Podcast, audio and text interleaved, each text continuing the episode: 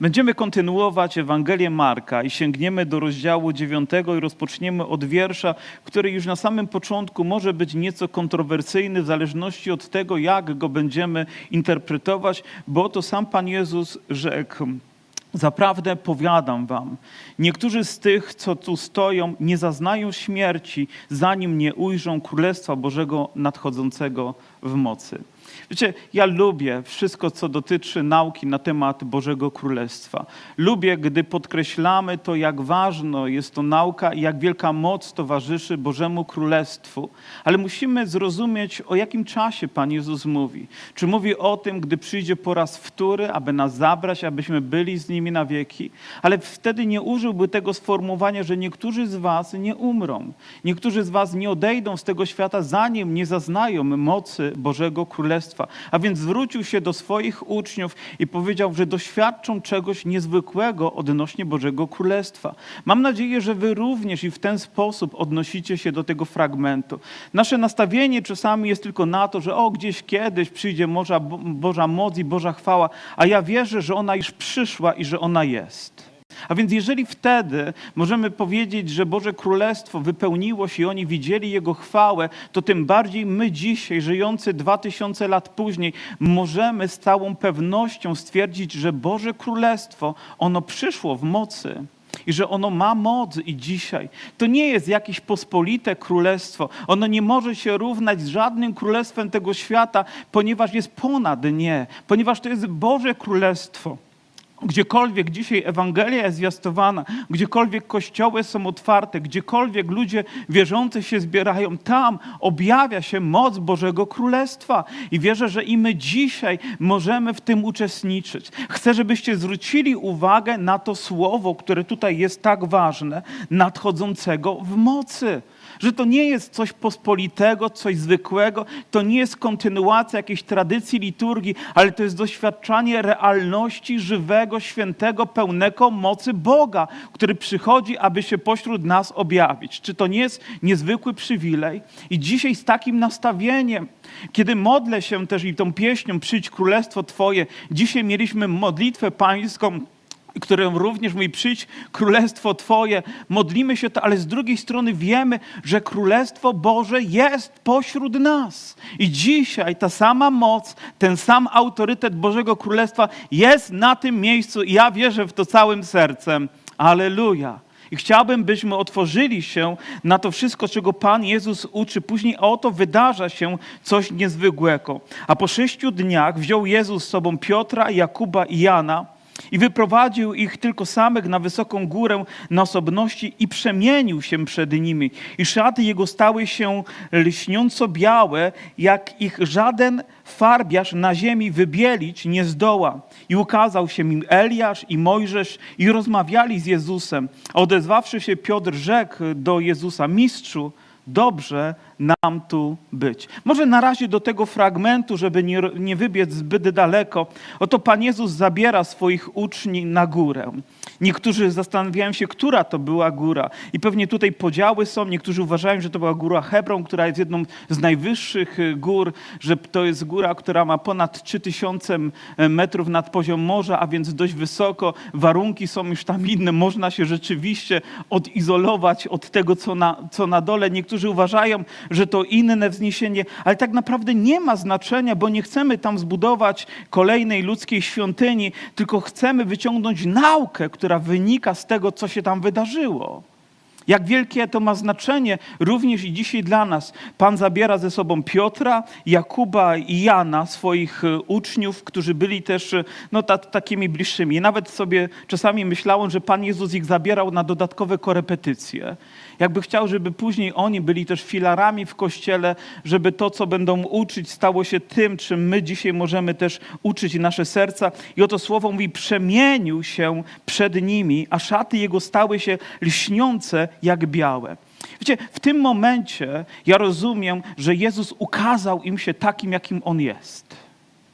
Kiedyś C.S. Lewis w jednej ze swoich książek napisał, że gdy Jezus powróci, to powróci bez przebrania. Powróci takim, jakim On jest. I wyobrażam sobie, że oto ci trzej bracia, ci trzej uczniowie Pana Jezusa zobaczyli niezwykły obraz, który rozpostarł się przed ich oczami Jezusa. I tutaj to słowo, które mówi, że lśniły Jego szaty, były białe, że żaden farbarz na ziemi nie byłby w stanie dokonać takiego dzieła. A więc to słowo lśnić w języku oryginalnym oznacza jak wypolerowane złoto albo miedź, albo żelazo, odbijające swój blask, także ci, którzy patrzą na nie, wręcz są nim oślepieni. A więc była to światłość, która emanowała, była to chwała, która towarzyszyła Jezusowi, bo takim jest nasz Pan. Wiecie, gdy wyobrażam sobie, że ja mógłbym być świadkiem takiego wydarzenia, gdybym zobaczył Jezusa lśniącego, pełnego chwały, i gdybym później zszedł gdzieś w dolinę razem z Nim, czy moje spojrzenie na Niego byłoby takie samo? Czy, czy nadal bym mówił, o Panie Jezu, jesteś no po prostu jakimś nauczycielem, jakimś mistrzem, prawie że jak kolega, bo razem chodzimy? Czy w tym momencie moje serce nie powinno zadrżeć, uświadomić sobie, jak wielkiego mamy Boga? Czy to słowo nie zostało nam objawione, abyśmy ujrzeli również chwałę Jezusa, jaką ma i żebyśmy zapragnęli jej również i doświadczać w naszym życiu, gdy przychodzimy w naszych modlitwach? Tak on lśnił, a szata jego była biała tak, że żaden farbiarz, żaden człowiek nie jest w stanie tego w artystyczny sposób oddać. Wiecie, to słowo, być może teraz pójdę zgodnie z nim trochę dalej niż zazwyczaj to się dzieje, ale myślę sobie, że żaden człowiek nie może ukazać Boga w pełni takim, jakim On jest, tak? bo tylko Jego objawienie może to uczynić w życiu człowieka. Żaden artysta nie w stanie oddać swoim dziełem takim, jakim Bóg naprawdę jest, nawet gdyby starał się o to bardzo ważne, bo to jest coś, co tylko Bóg potrafi objawić w naszym życiu. Ale druga myśl to jest to, że my czasami jako ludzie próbujemy rzeczy robić po swojemu, że próbujemy coś przedstawiać, próbujemy coś naśladować, próbujemy coś kopiować, ale naszymi ludzkimi możliwościami i środkami. Oto Jezus, który jest objawiony tutaj, lśniący, pełen chwały i mocy. I oto człowiek, który próbuje coś robić, jakby kopiując albo naśladując, ale często to, co robi, jest robione w sposób nieudolny. Nie jest tak chwalebne i tak wielkie. To, czego my potrzebujemy w naszym życiu, to nie ludzkich kopii, ale pełnej mocy i chwały Boga, która objawia się w naszych sercach. Pozwólcie, że jeszcze głębiej pójdę. Oto za mojego życia chrześcijańskiego pojawiły się słowa, które gdzieś są i pewnie one są ważne, może one są potrzebne na, tem, na temat na przykład mentoringu w kościele. Słyszeliście takie słowo? Na temat coachingu. Ja wiem, że te słowa mówią o pewnych e, rzeczach, które są potrzebne, nie wiem, z, z naszym szkoleniem, z naszym wytrenowaniem, z, z, działaniem, które mają być podejmowane. Ale wiecie, mam wrażenie, że czasami my jako ludzie nie, nie ujmuje temu. Naprawdę nie ujmuje, jeżeli ktoś zajmuje się tym i próbuje ludziom pomagać. Daj Ci, Panie Boże, zdrówko. Ale czasami mam wrażenie, że my jako ludzie próbujemy zrobić coś, co może uczynić tylko Bóg. Że próbujemy rzeczy nazwać białymi, ale one takie nie są, bo tylko Boża chwała może w pełni dokonać. Możemy przeprowadzić człowieka, nie wiem, nawet przez szkolenie, możemy go prowadzić przez jeden i przez drugi program, ale tylko Boże objawienie, tylko moc Bożego Królestwa potrafi dać nam to, czego w pełni potrzebujemy. Chcemy ujrzeć Jezusa takim, jakim On jest. A gdy ujrzy Go nasze serce i przyjmie Go takim, jakim On jest, to nie będzie rzeczy niemożliwych dla nikogo z nas. Oto, co potrzebujemy widzieć. I oni to zobaczyli, i oni to ujrzeli, i pewnie zaintrygowało ich to. I później Piotr, nie dziwię mu się, że zareagował tak, ale też chcę, żebyście zwrócili, że wraz z Jezusem pojawiły się tam dwie inne postaci. Był to Eliasz i Mojżesz. Ciekawe, Eliasz jest tutaj wymieniony pierwszy, Mojżesz drugi. Patrząc od strony Jezusa, cofając się, to najpierw był Eliasz jako prorok, a później Mojżesz, ale oni są reprezentantami Starego Testamentu. Eliasz był prorokiem, uznany za jednego z największych proroków Starego Testamentu. Mojżesz to to osoba, która reprezentowała prawo, oczywiście też był prorokiem, Bóg się nim posługiwał. Oczywiście wiele rzeczy wspaniałych Bóg przez tego męża wykonał. Nawet rodowici Żydzi mówili się, że oni są tacy Mojżeszowi, że oni należą do, do tego prawa, które zostało ustanowione, objawione Mojżeszowi, aby im dał. Ale, ale czy oni mogą się równać z Jezusem? Czy możemy postawić znak równości Jezus, Eliasz, Mojżesz? Nikt nie ma prawa tego zrobić. Nikt.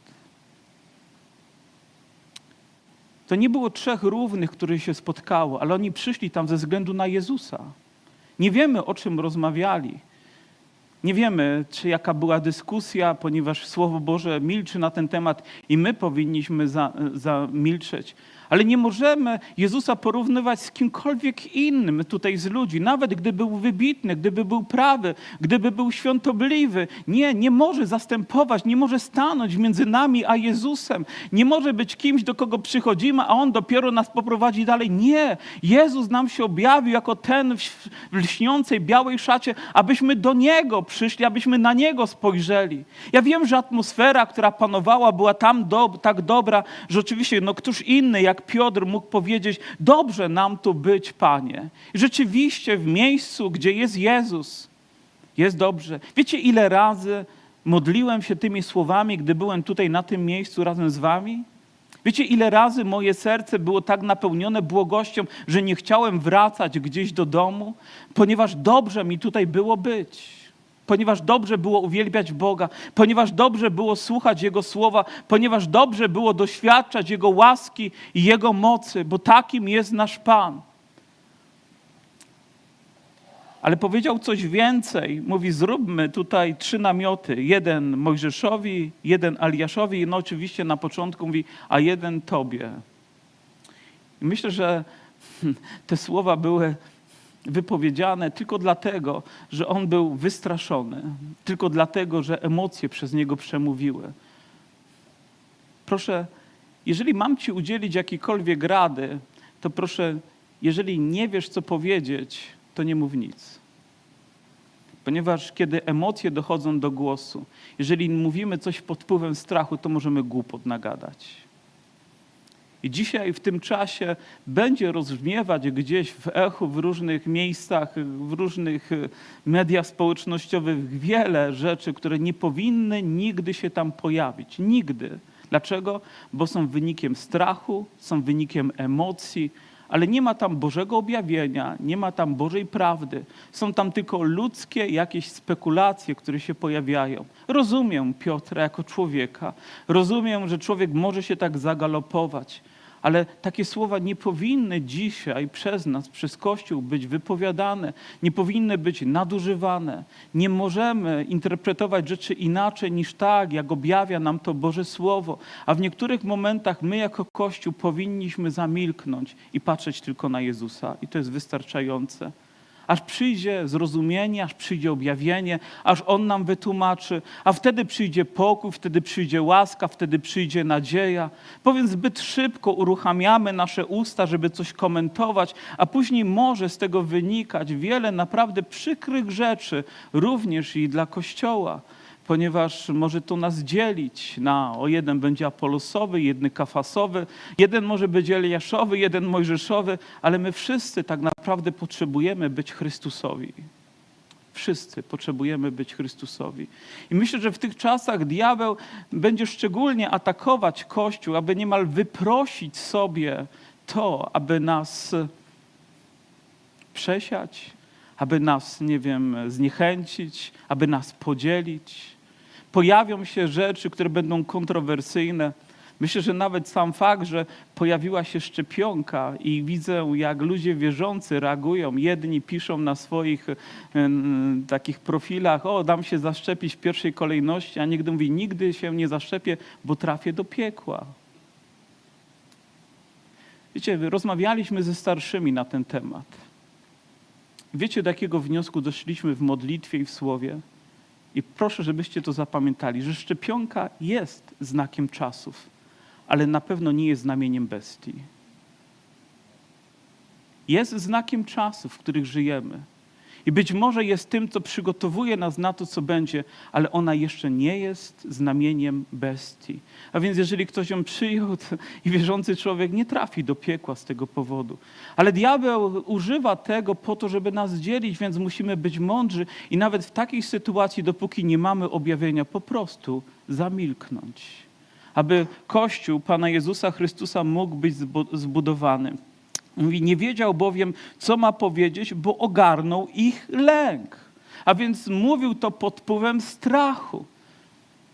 Nie wiem, czy powinienem to powiedzieć, ale wiem, co to znaczy być czasami takim wystraszonym wewnętrznie. Nie dlatego, że jestem panicznie bojącym się człowiekiem, ale dlatego, że miałem sen i obudziłem się w środku nocy, druga 55. Nie wiem, może dla kogoś to początek dnia, dla mnie to środek nocy, ale druga 55 i serce mi waliło jakby młotem i powiem, byłem roztrzęsiony emocjonalnie i nie wiedziałem w zasadzie dlaczego, choć w tym momencie przypomniałem sobie, że miałem przed chwileczką sen.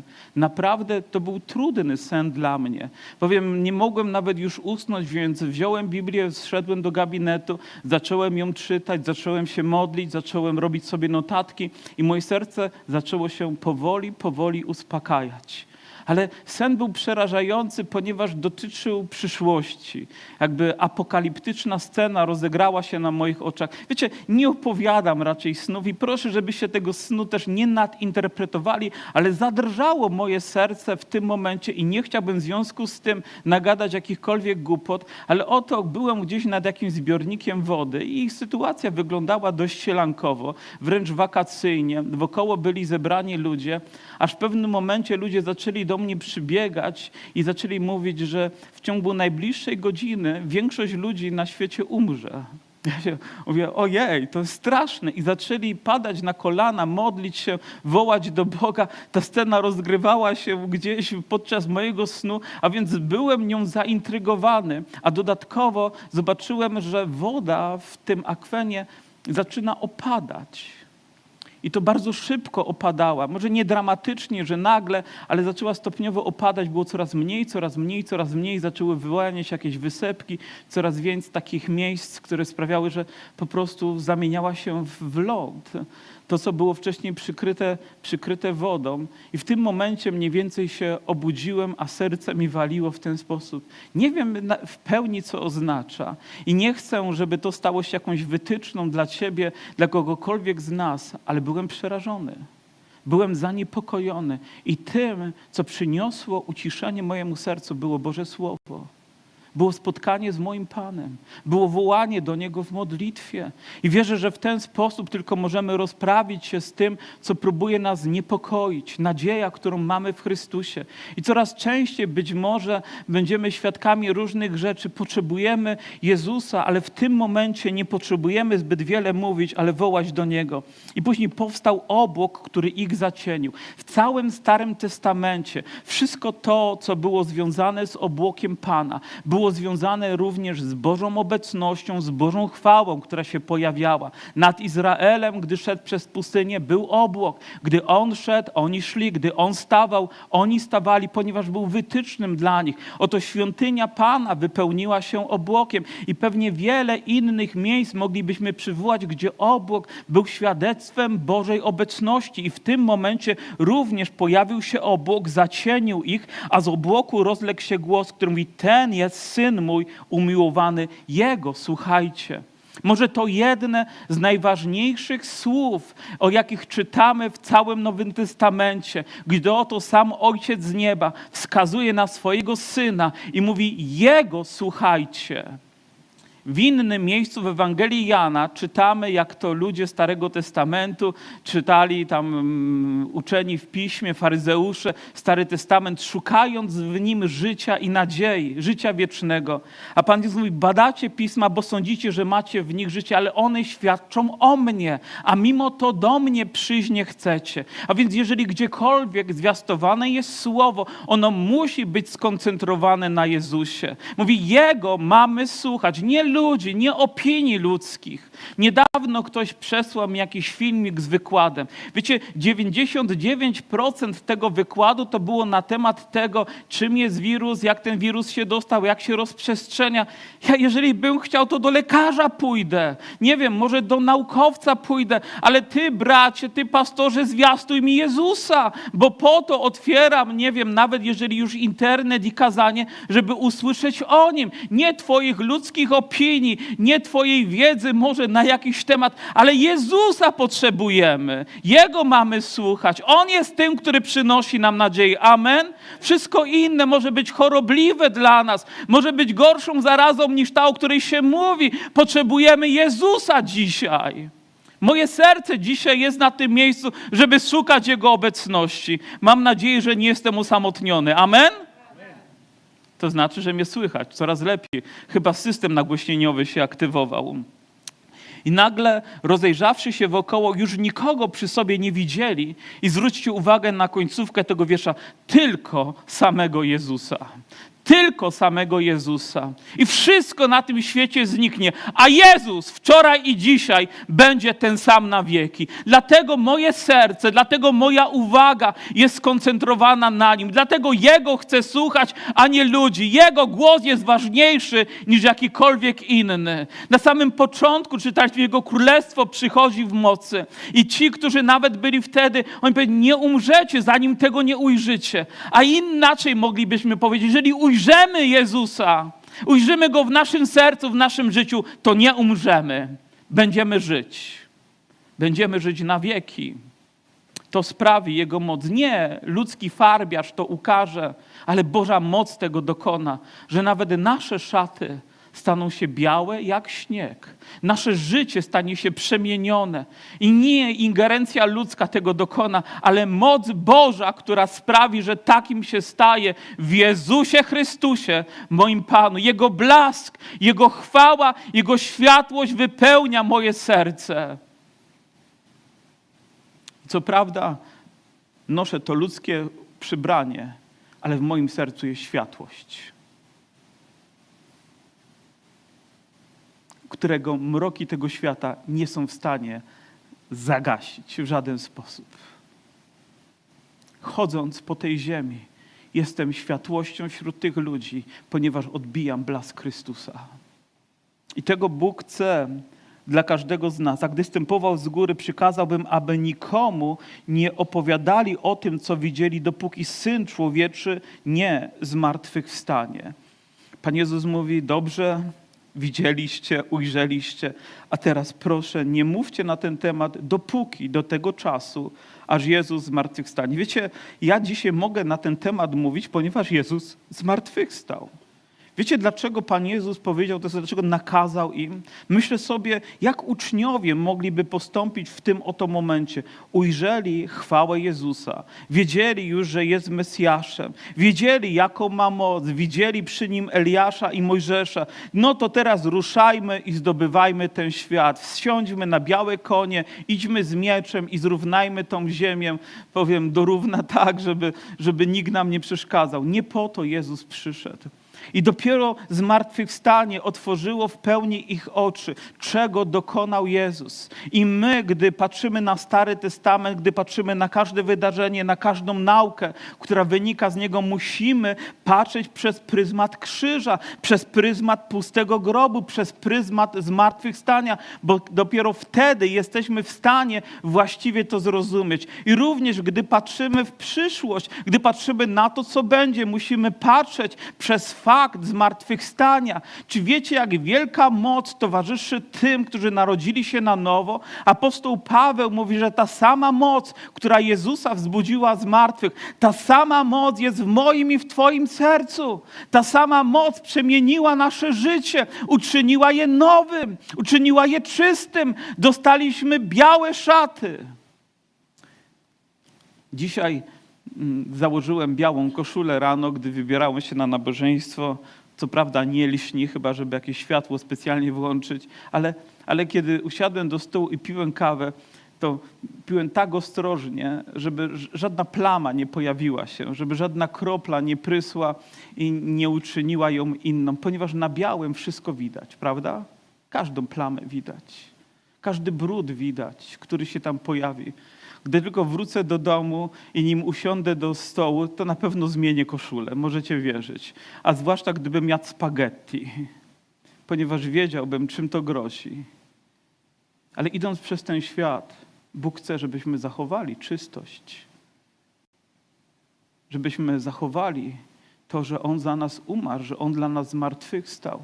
Nasze szaty wciąż powinny być białe, powinniśmy rozumieć to wielkie dzieło i zachowywali słowo u siebie i zastanawiali się między sobą, co to znaczy, że powstanie z martwych. My wiemy. Pytali go też mówiąc, e, cóż to mówią uczeni w piśmie, że Eliasz ma przyjść najpierw, wprawdzie przyjście najpierw i wszystko naprawi, ale jakże napisano o Synu Człowieczym, musi wiele cierpieć i za nic być poczytany. Jakby Pan Jezus, on mówił, okej, o, Eliaszu, który ma przyjść dobrze, on przyjdzie, naprawi. To związane jest z Księgą Objawienia również, ale cała uwaga Pana Jezusa znowu jest przekierowana na Niego, a oni jakby tego nie rozumieją.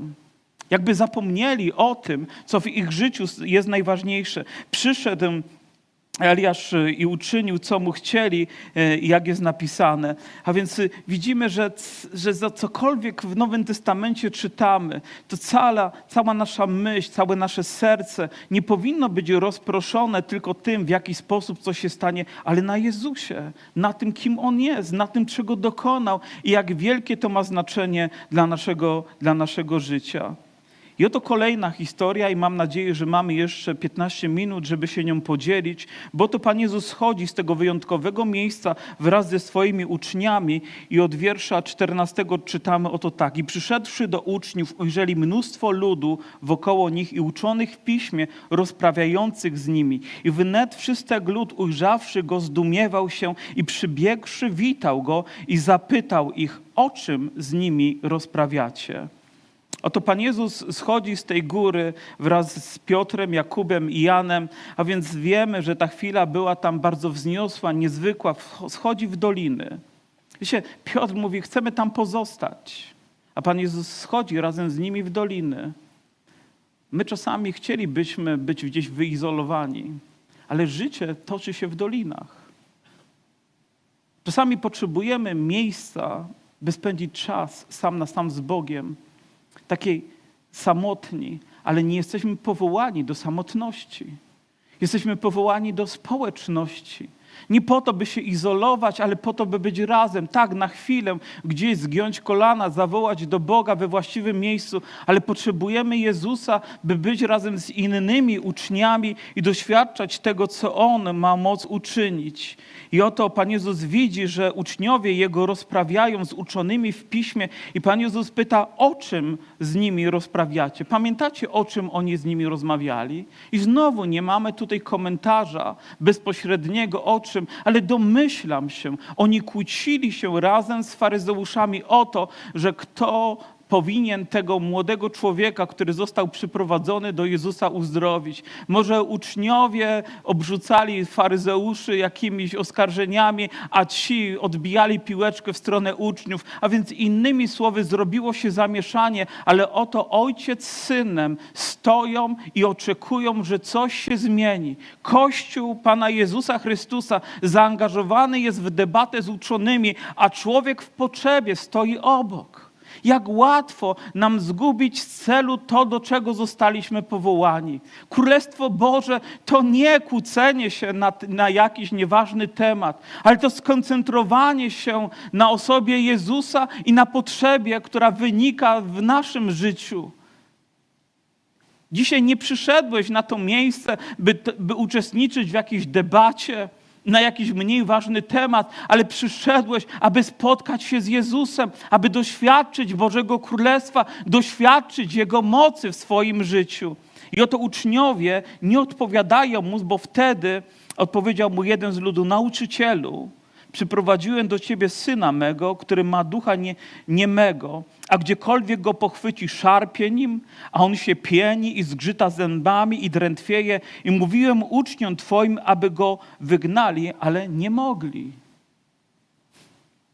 To ciekawy schemat, który towarzyszy człowiekowi, że jak czegoś nie może, to szuka innych, którzy są winni tego, że on czegoś nie może. Czy myślicie, że tak nie jest również dzisiaj? Że gdzieś zawodzimy, to zawsze musi znać, znaleźć się ktoś winny. Nie wiem, pamiętam taką scenę, która no, rozbawiła mnie, bo siedziałem przy stole i, i, nie wiem, czytałem coś, czy, czy, czy jadłem, i wchodziła moja młodsza córka i coś upuściła po prostu, od tak przypadkowo. I pierwsze słowa było tato. Jakbym ja był winny tego, że ona coś upuściła. Oczywiście nie jest to tak, że ją tutaj oskarżam, tylko jakby uświadamiam sobie, jak my zachowujemy się, tak? Bo zrobiła coś niewłaściwego, kto jest. No ja tam biedny siedziałem, nawet nie spojrzałem na nią, ale oczywiście tato. Dlaczego? Może w ten sam sposób odnosimy się do Boga, coś nam nie, o, ktoś musi być winny, może Bóg nie odpowiada na moje modlitwy, a może ktoś w kościele zawodzi. Bracia, to nie jest właściwa droga, którą powinniśmy iść. Ludzie często uzależnieni oskarżają cały świat o to, że to oni są uzależnieni. Nie, problem jest w Twoim sercu, problem jest w naszym życiu, problem jest w nas, nie na zewnątrz. Powinniśmy tam go poszukać. I oto przychodzi ojciec z synem do uczniów Pana Jezusa w nadziei, że oni udzielą mu pomocy, ale oni nie mogli mu udzielić tej pomocy. Jednym z powodów może było to, że nie było tam Jezusa w tym momencie. Jakże niewiele możemy zrobić bez Niego, prawda? Jakże niewiele człowiek jest w stanie coś zrobić sam z siebie.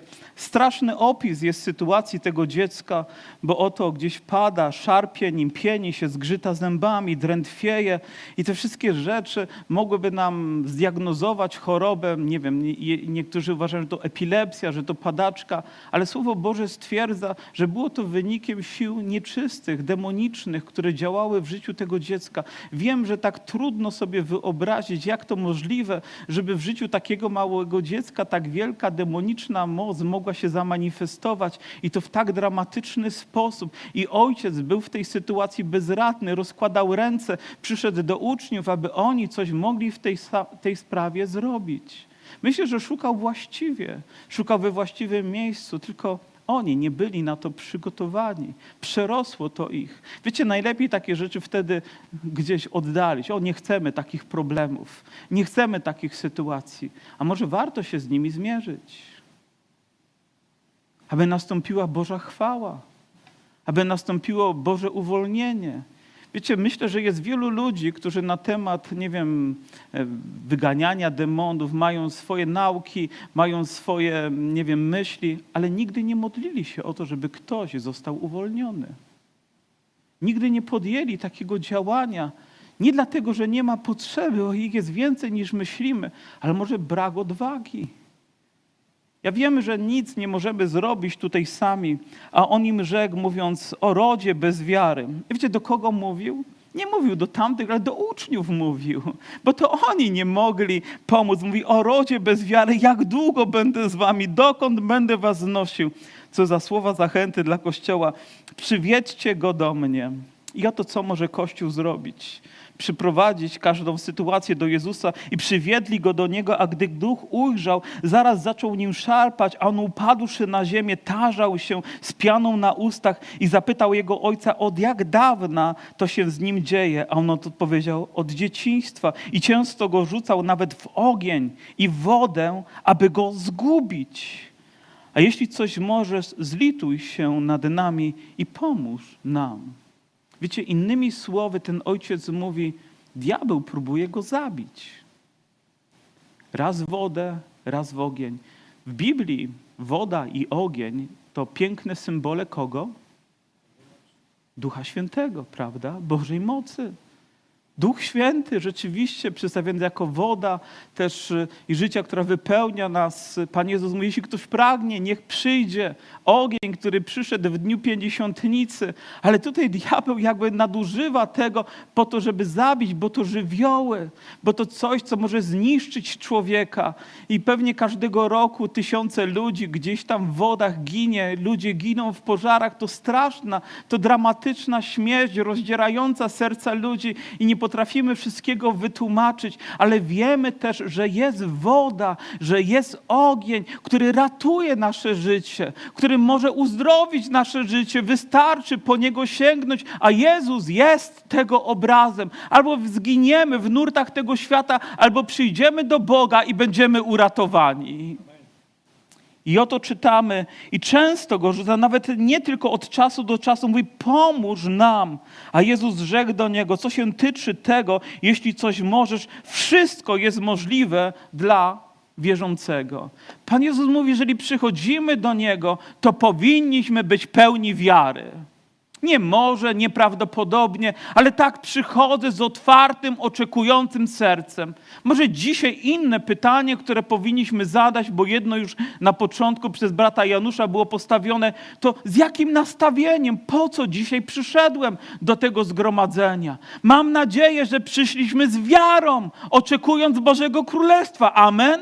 Oczekując Jego działania, Jego mocy w naszym życiu. Kiedyś ponoć do Moody'ego przyszło dwóch młodych kaznodziei i mówią, Moody, jak to jest? A to był taki ewangelista, który gdy zwiastował, tysiące ludzi się nawracało w Chicago.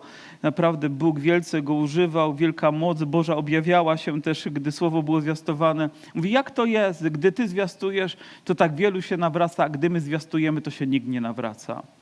I wtedy Moody mówi, a co, chcielibyście, żeby od razu się wszyscy nawrócili? A on mówią, no nie. Mówi, i właśnie dlatego. Wiecie, gdy zwiastujemy Boże Słowo, powinniśmy oczekiwać mocy Bożego Królestwa. Gdy zwiastujemy je dzisiaj tutaj, powinniśmy oczekiwać, że Jego moc zamanifestuje się na tym miejscu. Amen.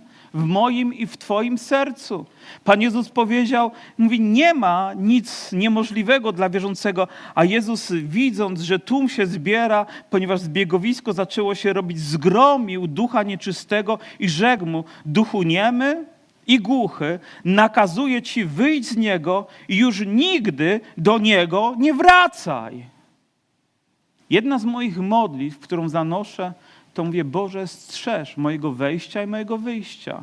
Panie, strzeż mojego serca, bo to jest biblijna modlitwa. Ja wierzę w to, co Bóg uczynił, czyniąc moje serce wolnym, czyniąc moje serce czystym, ale również On chce, abym strzegł mojego serca, aby nic złego nie powróciło, by mój stan nie był gorszy w moim życiu. Że nie tylko to, co Bóg rozpoczął, ale chcemy, żeby On też to kontynuował. Panie Jezus mówi, niech to nie wraca do Twojego życia. Jeżeli rozpocząłeś drogę za Bogiem, to idź z nią i nie oglądaj się za siebie.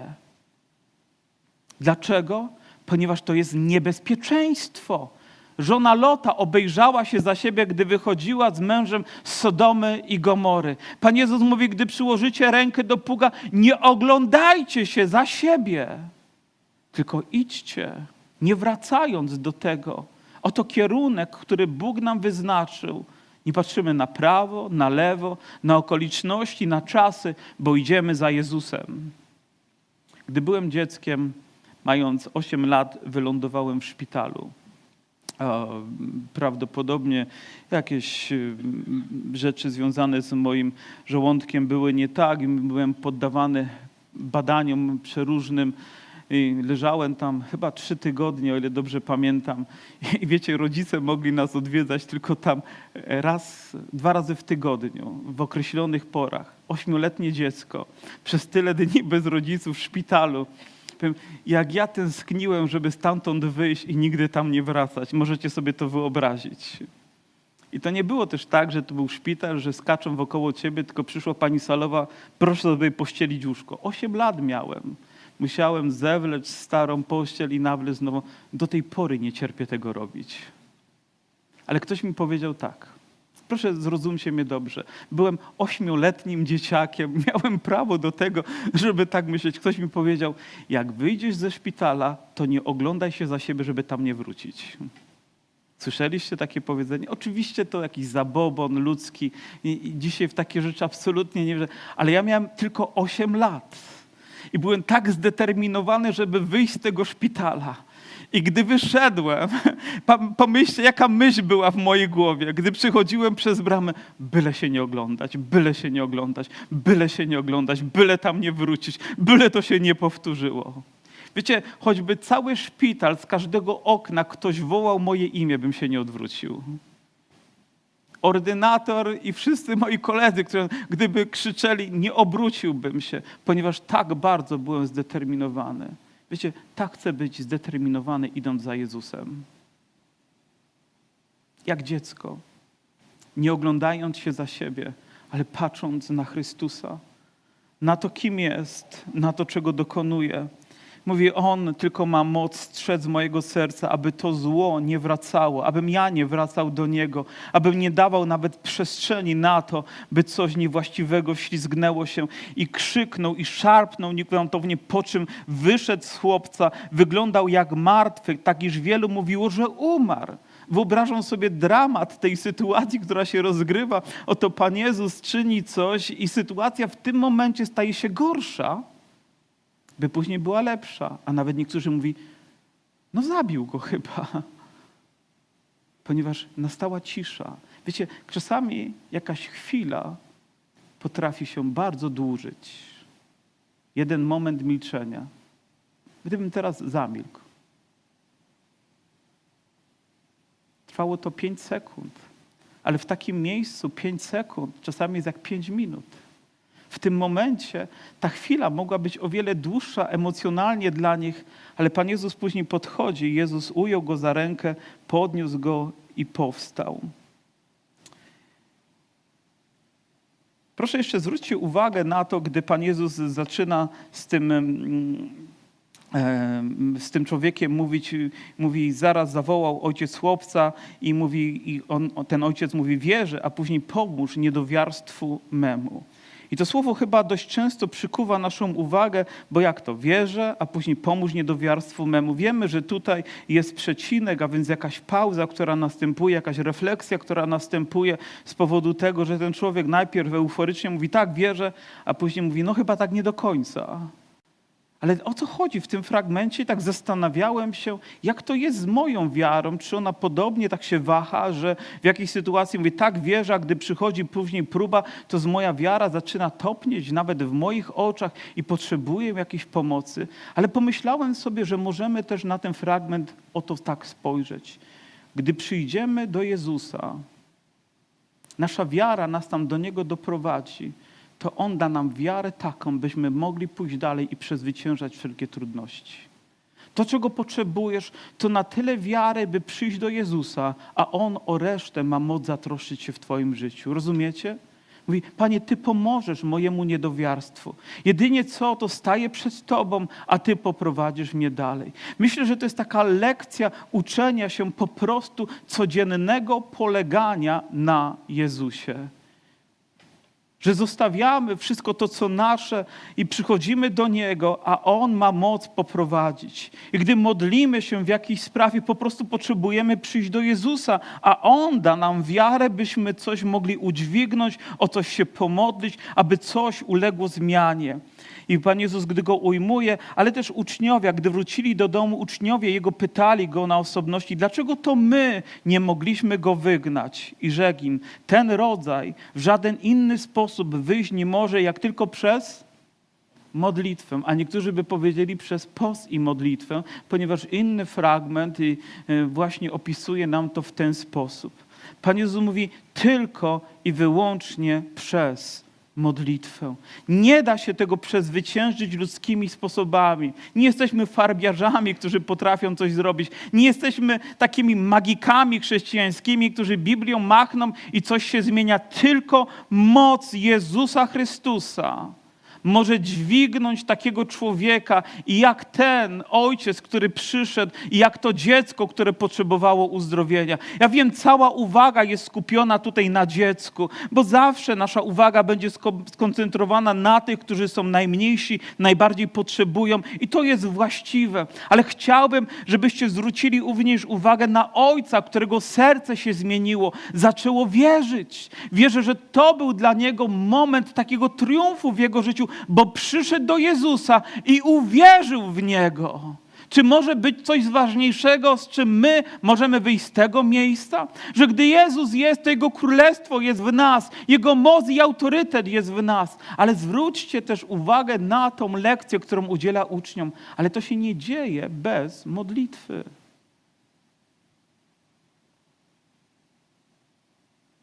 Tak wiele rzeczy próbujemy robić po naszemu.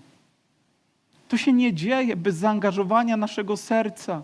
Możemy wiele różnych rzeczy wykonywać, podejmować wiele działań, ale jeżeli zapomnimy o tym, jak ważna jest modlitwa, to będziemy rozchwiani w naszej wierze, będziemy niepewni, nie będziemy wypełniać Bożej woli, nie będziemy szczęśliwi nawet w naszym chrześcijańskim życiu. Ciągle będzie jakaś pustka i rozczarowanie. Potrzebujemy modlitwy. Gdy podejmujemy jakiekolwiek działania, jakąkolwiek służbę, musi rozpoczynać się na fundamencie modlitwy. Dobrze, przyjdźmy do zboru, zbierzmy się, miejmy nowy projekt, ale jeżeli zapomnimy o modlitwie, to zapomnijmy o tym projekcie. Jeżeli zapomnimy o naszym Bogu, to wszystko inne przestaje mieć znaczenie. Cokolwiek dzieje się w Twoim życiu, ono musi rozpoczynać się od modlitwy, od całkowitego zaufania i zawierzenia naszego życia Jezusowi. Inaczej będziemy się kłócić. Inaczej będziemy głupoty czasami wypowiadać pod wpływem emocji. Ale kiedy uciszymy nasze serca, kiedy uniżymy je przed Panem, kiedy otworzymy je przed Nim w modlitwie, a On przyjdzie, to nie będzie rzeczy niemożliwych. Oto moc Bożego Królestwa, nie gdzieś, ale tu. I nie tylko tu, ale we mnie. Pan Jezus chce, byśmy ją ujrzeli. Tą moc Jego Królestwa w naszym życiu. I pamiętaj, jak ważną rzeczą w tym jest modlitwa. Ile razy Jezus szedł, by spędzić sam ten czas przed swoim Ojcem, ale gdy schodził, to nie było rzeczy niemożliwych. Dzisiaj potrzebujesz mocy Boga. Dzisiaj ja potrzebuję Jego mocy. Dzisiaj potrzebuję chwały Jego Królestwa. Dzisiaj potrzebuję wiedzieć, jak wielkiego i wspaniałego mam Boga. Pochylmy nasze głowy.